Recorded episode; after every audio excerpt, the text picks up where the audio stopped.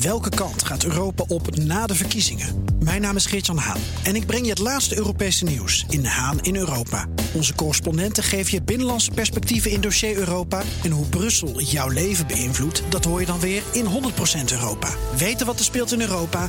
Luister naar de programma's van BNR. BNR Nieuwsradio. Werkverkenners. Rens de Jong. Deze werkverkenners gaat over een toch wel pijnlijk onderwerp. Iets waar we niet graag over praten. Namelijk ontslag. Ik voelde vanuit mijn buik de boosheid komen. En toen? Toen heb ik gezegd: Weet je, hoe jij je vervoer regelt nadat wij afscheid hebben genomen, is niet ons probleem meer. Hè? Je kunt ook met het OV, en dat had ik nooit mogen zeggen. Daarna was er echt boosheid alom. Toen heeft het echt nog wel een maand langer geduurd voordat we eruit waren.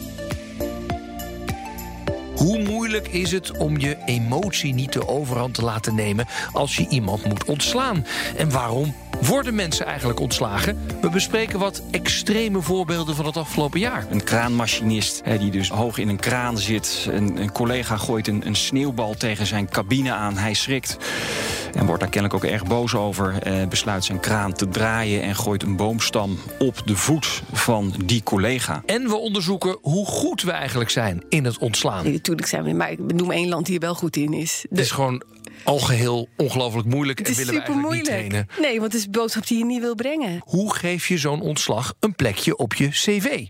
En wat is er per 1 januari veranderd? Rens de Jong. In deze werkverkenners willen we weten hoe ontslag in Nederland in zijn werk gaat. En daarvoor kijken we eerst naar, ik moet toegeven, vooral extreme redenen voor ontslag. Arbeidsrechtadvocaat Maarten van Gelderen ging op zoek naar de opmerkelijkste zaken van 2019. Die top 10 die maken we eigenlijk ieder jaar. En dat heeft natuurlijk mee te maken dat we door het jaar heen allerlei zaken langs zien komen. En daar zitten dan soms een aantal zaken bij waarvan je denkt: ja, hoe is dit mogelijk? Is dit echt gebeurd? En ieder jaar zijn we dan toch weer verbaasd dat er hele bijzondere zaken bij zitten. Ja, uiteraard willen we daar natuurlijk veel voorbeelden over horen. Maar soms is de reden voor ontslag veel banaler. Ligt de oorzaak buiten jouzelf en wilde het bedrijf gewoon een andere kant op? Mijn naam is Conchita Schulkes. Ik uh, heb voor het laatst in 2005 in loondienst gewerkt. En uh, sinds die tijd ben ik ZZP'er. En voor die tijd ben ik opgeleid als medisch bioloog. Ik heb promotieonderzoek gedaan en in de farmaceutische industrie gewerkt. En uh, dat was tot mijn ontslag. Kun jij vertellen waarom je werd ontslagen destijds? Ik werkte bij een internationaal uh, bedrijf. We hadden hier in Amsterdam een kantoor, ontzettend leuk uh, team. Um, maar de focus kon steeds meer te liggen op de. Het bedrijf wilde gewoon echt dat we ons alleen maar internationaal gingen richten. Weet je, ik werkte ook in Noorwegen, ook in Engeland. Het hele stuk Nederlands kantoor werd uh, ja, uh, opgeheven, in elk geval voor de sales. En daarom moest ik ook weg. Ja, hoe dat werd afgehandeld en hoe Conchita daarna de draad oppakte, kom ik zo meteen op terug. Maar eerst wil ik even terug naar die kraanmachinist... die in reactie op een sneeuwbal een boomstam op de voet van zijn collega wierp. Dat klinkt misschien nog allemaal erg grappig... totdat je dan leest dat die, uh, die, die ongelukkige collega... Een, een gedeelte van zijn voet kwijt is, geamputeerd moet worden... en daar ontstaat dan dus een ontslagzaak... Waarvan die werknemer zegt, die kraanmachinist, ja, dat is eigenlijk een ongeluk geweest. Ik heb dat nooit zo bedoeld. Um, terwijl ja, de omstandigheden toch eigenlijk in een andere richting wijzen. Nou ja, dat is natuurlijk een hele opmerkelijke, zou je kunnen Hoe zeggen. is dit afgelopen? Nou, dat liep af tot een uh, ontslag op staande voet. En uh, uiteindelijk zelfs zover, dat zie je ook niet vaak, dat de rechter uh, ter plekke is gaan kijken. Want die kraanmachinist die hield bij hoog en laag vol hè, dat, het, dat het echt niet zijn schuld was. Dus die rechter is ter plekke daar wezen kijken. Scène is nagespeeld en die rechter zei uiteindelijk ja. Als dit allemaal meeweegt, u heeft toch een hele ongebruikelijke manoeuvre gemaakt. U hoeft helemaal met die kraan niet die kant op te draaien. Ja, ik neem er toch voor aan dat u dit uh, met opzet gedaan heeft. En dat levert een ontslag op staande voet op. Nou hebben we de afgelopen jaren natuurlijk ook heel veel meer aandacht gehad op MeToo-achtige ja. zaken. Volgens mij staan er ook een paar van dat soort dingen in jullie top 10. Ja, in onze top 10 staat bijvoorbeeld ook een, een zaak van een docent bewegingsleer. Die toch al allerlei klachten kreeg van vrouwelijke studenten. Die zich wat ongemakkelijk bij de man voelden. Die toch dachten, ja, hij, hij, raakt me aan op plekken waar ik dat toch niet zo fijn vind. Ik voel me er ongemakkelijk bij. Dus daar is al wel een lopende discussie ook met die docenten. Vanuit bestuur van de school wordt gezegd: Goh, misschien moet je didactische vaardigheden wat aanpassen. Maar goed, dat krijgt dan toch nog een staartje op enig moment als een van de studenten zegt: Ja, hij heeft mij bij mijn billen betast. Daar heb ik absoluut niet om gevraagd. En een andere student die zegt dat tijdens een les massage, ja, zij als het ware naar voren geroepen werd en als een soort studieobject gemasseerd werd op allerlei intieme delen, billen, borsten en ook tussen haar benen. Uiteindelijk uh, is dat voor de school aanleiding om ontslagprocedure te starten. En de kantonrechter die die zaak in eerste aanleg moet behandelen, uh, die zegt dan: Ik vind dit ernstig verwijtbaar gedrag. En dat is een beetje de, de hoogste uh, gradatie die je in, in verwijtbaarheid kunt hebben. Ernstig verwijtbaar gedrag. En dat betekent eigenlijk in de regel ook geen ontslagvergoeding. Uh, de docent gaat in hoger beroep. En ook wel tot mijn uh, verbazing uh, zegt dan het gerechtshof: ja, het is inderdaad allemaal niet netjes wat meneer, wat gedaan heeft. Het is ook wel verwijtbaar, maar wij vinden het niet ernstig verwijtbaar. En dat is dan weer typisch zo'n juristendingetje. Het verschil tussen ernstig verwijtbaar en verwijtbaar... dat maakt nou net of je recht hebt op een ontslagvergoeding of niet. Dus de kantonrechter zei ernstig verwijtbaar, nul ontslagvergoeding. Het gerechtshof zegt het is wel verwijtbaar, maar niet ernstig verwijtbaar. En dat betekent dus dat deze meneer met een ontslagvergoeding uh, de rechtszaal uitloopt. Ja. Is er ook nog een voorbeeld, dacht ik hoor, van een werkgever die met een banaan het een en ander doet? Klopt die? Ja, nee, dat is, dat is een, een directeur die uh, tijdens een, een kantooretentje eigenlijk een wat lollig bedoelde opmerking maakt als het dessert uitgeserveerd wordt. Het dessert bestaat uit gebakken bananen.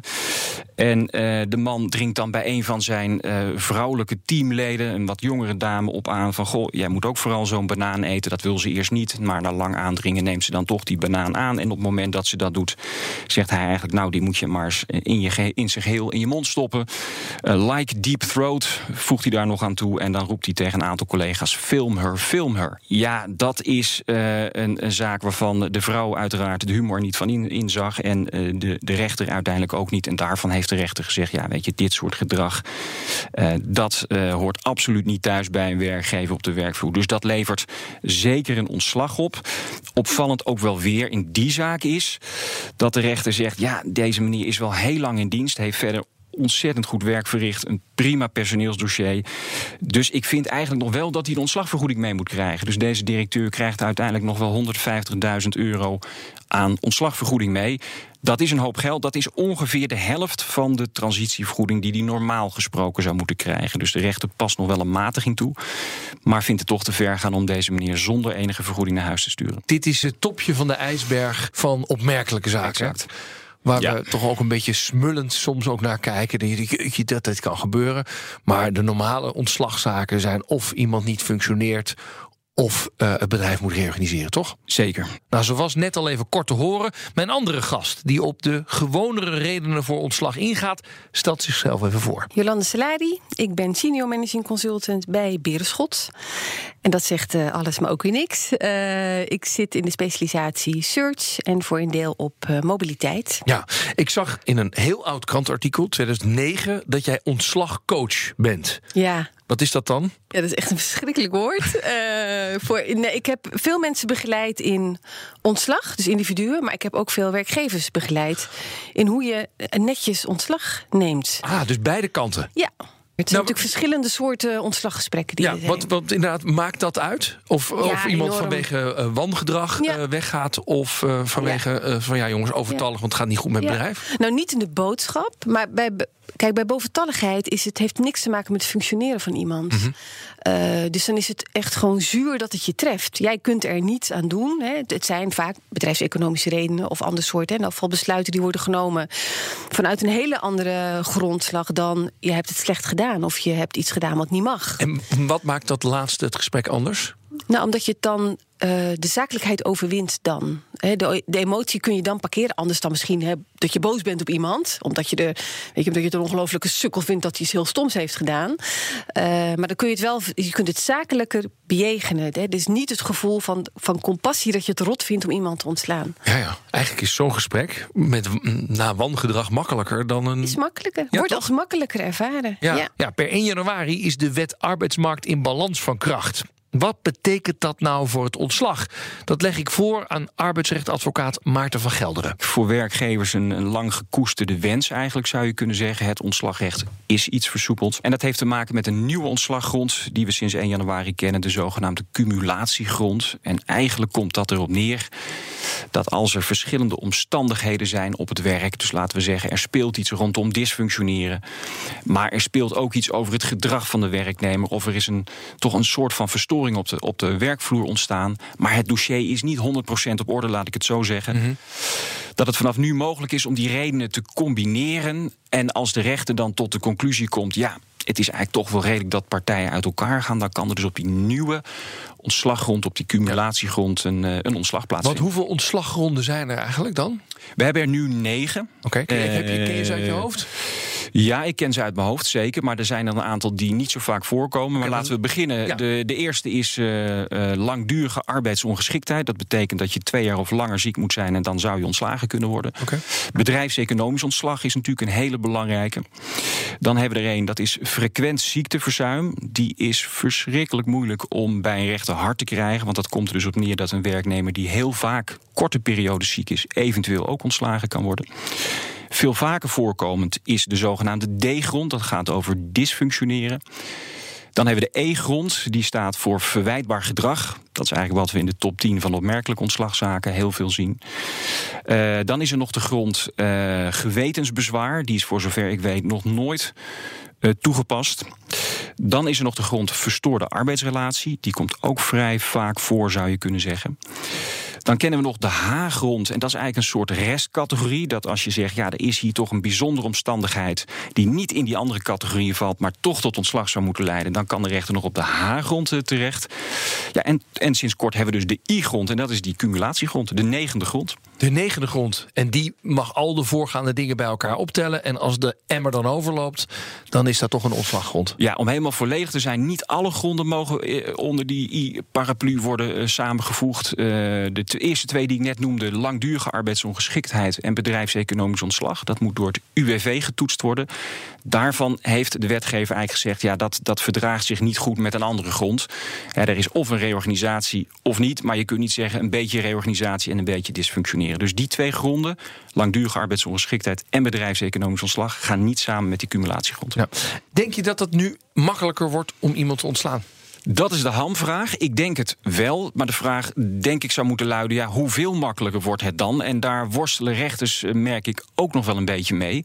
Van wat is nou echt de bedoeling? Het kan natuurlijk ook weer niet zo zijn dat een werkgever die eigenlijk niks heeft vastgelegd en geen fatsoenlijke gesprekken heeft gevoerd, ineens maar met zo'n I-grond, zo'n cumulatiegrond, een ontslag voor elkaar zou kunnen krijgen. Dus dat gaat niet gebeuren. Maar ik denk wel, eh, we gaan dat het komend jaar ongetwijfeld zien, maar dat dat voor, voor een aantal zaken toch wel wat eenvoudiger zal zijn. Want ja, tot 2019 was het toch wel heel erg zwart-wit. Je dossier was niet 100% op orde. Dan kreeg je geen ontslag als werkgever. Eh, en ik denk dat die scherpe randjes er met die nieuwe ontslaggrond wel een beetje afgehaald worden.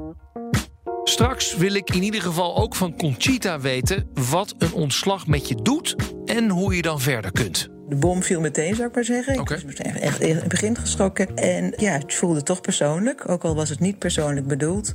Maar dat was wel heel snel toch weer over. Dus na een week of twee. eh, en vooral toen ik dacht van nou, maar wacht even. Dan kan ik dus eindelijk eh, het andere gaan oppakken. Werkverkenners. Maar eerst gaan we kijken naar hoe goed we dat ontslaggesprek eigenlijk aanpakken. Jolanda Salari zei al dat we daar natuurlijk helemaal niet goed in zijn. over de app aankondigen. Het echt gebeurt, hè? Of dat een eh, ontslag over een afdeling al uitlekt in de media... terwijl de medewerkers het nog niet weten. Groepen ontslaan. Ja, ik vroeg Conchita Schulkens hoe haar ontslaggesprek ging. Het gesprek ging eigenlijk wel prettig. Want ik had daarvoor was een functioneringsronde, gesprekkenronde geweest. En daar had ik een goede beoordeling gekregen. Eh, dus werd me wel duidelijk gemaakt dat het niet persoonlijk was. eh, maar dat het gewoon echt eh, een beleidsbeslissing was. En ja, ik sprak wel mijn schrik uit en zei: Ja, begrijp, dat begrijp ik ook wel. En ik zei van, nee, maar ik kan het niet zomaar opeens stoppen. Ik weet, ik heb goede relaties met, met de klanten. Dus nou ja, dat hoeft ook niet. Weet je, geen Amerikaanse toestanden van pak maar een doos. En toen heb ik nog drie maanden het allemaal af kunnen ronden, wat ik zelf heel prettig vond. Ik kreeg gewoon daar het volle vertrouwen bij van het bedrijf dat ik geen gekke dingen zou doen. Heb ik ook nooit uh, overwogen natuurlijk. Mhm. Dus het is op zich wel in een prettige sfeer verlopen. Ja. Ja, ik, ja, toch was ik wel geschrokken toen het gesprek zelf uh, net had plaatsgevonden. Ja, Gewoon. weet je of het nog emotioneel werd van jouw kant? Nee, het werd niet emotioneel. Ik was een beetje met stomheid geslagen, zeg maar wat. Maar je weet, je zit, eh, wat ik zei, de andere mensen aan tafel die waren ontzettend uh, vriendelijk. Dus ja, uh, en, en dat, nee, dat was oké. Ik ben ook niet een heel erg emotioneel reagerend persoon. Nee, en werd je nog heel veel uitgelegd van, nou ja, het is om deze reden dat het bedrijf moet besluiten dat? Of ja, ik heb, ik heb daar nooit heel erg achter gestaan, achter die beslissing. Maar goed, het werd wel duidelijk uitgelegd. Dus Ja. het, uh, dat heb je het gewoon mee te doen. terug naar Jolanda Salari en de blunders die werkgevers maken als ze mensen moeten ontslaan. De meest gemaakte fouten zijn ja, niet, nou, sowieso al niet zeggen dat er sprake is van een ontslag. Hè? Dus Nee. dat het dienstverband stopt. Wordt dat vergeten? Er wordt, ja, ze gaan eromheen praten. Uh, dus er komt een heel lange introductie waarin vertelt. Want je weet ongetwijfeld, we zijn al lang bezig met deze. Hè, het ziet er naar uit dat de afdeling waar jij werkt ook zal moeten gaan sluiten. En dat zou kunnen betekenen dat uh, ook jouw baan komt te vervallen. Oké, okay, dus één is, wees heel helder Ja. dat het daadwerkelijk om ontslag gaat. Ja. Jouw baan Ja. stopt vanaf punt. Ja. De boodschap is de boodschap. En daarna is eigenlijk alleen gepast: hou je mond en kijk wat er gebeurt. Dus uh, als ik jou zou moeten ontslaan, zeg Jolanda, fijn dat je er bent. Um, ik heb slecht nieuws voor je. Ja. Jouw baan houdt op per dat. Ja. Stilte. Ja, Zo snel. ja. En dat laatste, Dit niet eens, hoe was je dag? nee. Nee, en dat laatste, want ze weten waarvoor ze komen, Rens. Ik zeg meestal een kwartiertje. Langer niet. Langer hoef je eigenlijk voor dat eerste gesprek ook niet in te plannen. Je moet wel zorgen voor een heleboel dingen daarna. Maar het gesprek zelf is echt een heel kort gesprek. Oké. Wat is een andere veelgemaakte fout? Geen informatie over het vervolg. Dus je laat eigenlijk iemand met die boodschap gaan. Dan zeg je gedag, hè? Het gesprek is klaar, je geeft elkaar een hand. En wat zeg je dan? Sterkte of succes of weet ik niet. En dan loopt iemand weg en die weet dan alleen maar dat zijn baan ophoudt.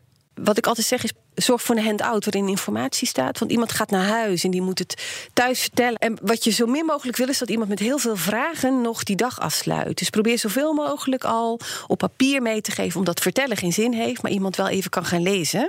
En zichzelf anders gaat verliezen dat Wout dat Google heet. Eh, dus zorg dat iemand wat meekrijgt. Andere fout is, begrijp ik, dat mensen zelf emotioneel worden. Ja, ja, ja. Vertel. Ja, die vinden het soms moeilijker dan degene die het ontvangt. Eh, Zie je dat in die training, dat ze ja. dan zelf vol schieten? Ja, ik heb echt mensen zien huilen. Ja, En dan al snotterend. ja echt. Ik, ik moet je laten ja, gaan. Ja. En wat doet dat met degene die dit ontvangt? ja, dat is heel raar. Want het is namelijk, je, kunt, je zou kunnen denken, Betrokkenheid. betrokkenheid. Ja. Je creëert betrokkenheid. Van, ja, ik vind het ook heel Ja. rot. Maar het is erger voor mij, hè? Iemand Ja. denkt, ja, je kan wel gaan zitten huilen, sukkel, maar jij ontslaat mij. Het gaat om mij. Jij mag blijven.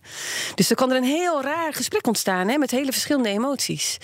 Maar wat moet je daar dan met die emotie doen? Moet je die dan, want je wilt toch ook niet als een soort ontslagrobot daar gaan zitten? Nee, maar je kunt toch steeds wel met heel veel gevoel iets zeggen zonder vol te schieten. En je mag ook zeggen, ik vind het een hele nare boodschap, maar ik moet hem wel brengen. Ja. Dat is heel betrokken, hè? ja, nou, ik vind het niet heel betrokken, maar Nou ja. het, is, het is een beetje het fijnzen van betrokkenheid. Ja, Toch? Ja, nou, je kunt het menen. Ik denk dat heel veel mensen menen het. Ja. ja, maar dan ga je toch, omdat je leert, eh, doe het snel. Ja. Eh, eh, eigenlijk kleed je het namelijk helemaal uit. Je zegt, doe het snel. Terwijl normale mensen, empathisch zou je Ja. het inderdaad gaan inkleden. Ja. Je gaat niet gaan zitten huilen. Maak het Nee. nou niet jouw probleem. Maak het, weet je wel, Ja. ga niet zeggen, oh, ben ik zielig, want ik moet jou ontslaan. Ja. Dus op een of andere manier kleed je die empathie wel uit. Ja, maar misschien moet je de nazorg dan heel goed doen. Ja.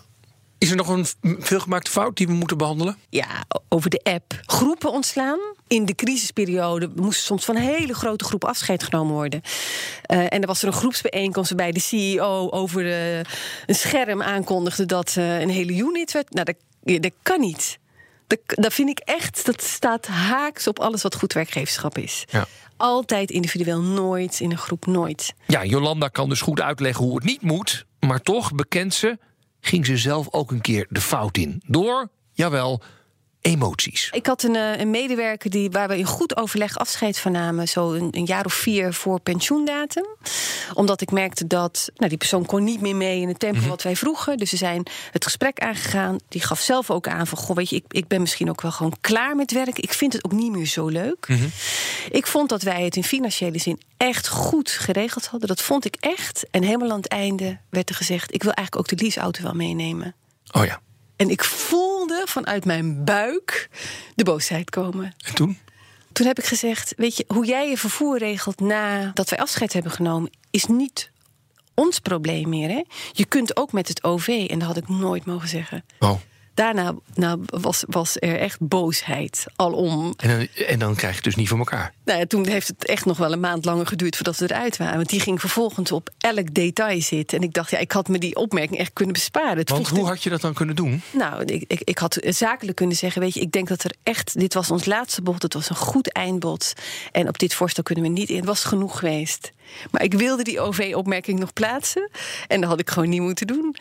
Eh, maar ik vond het zo oneerlijk dat ik merkte, nou, dan gaat de emotie gaat leiden. En dan, en, dan, en dan gaat het. En ging, ontspoorde dat gesprek ook helemaal? Nee, la- later heeft ze, me- ze, heeft, nou, ze heeft me heel lang verweten dat ik dat heb gezegd. Ja. ja.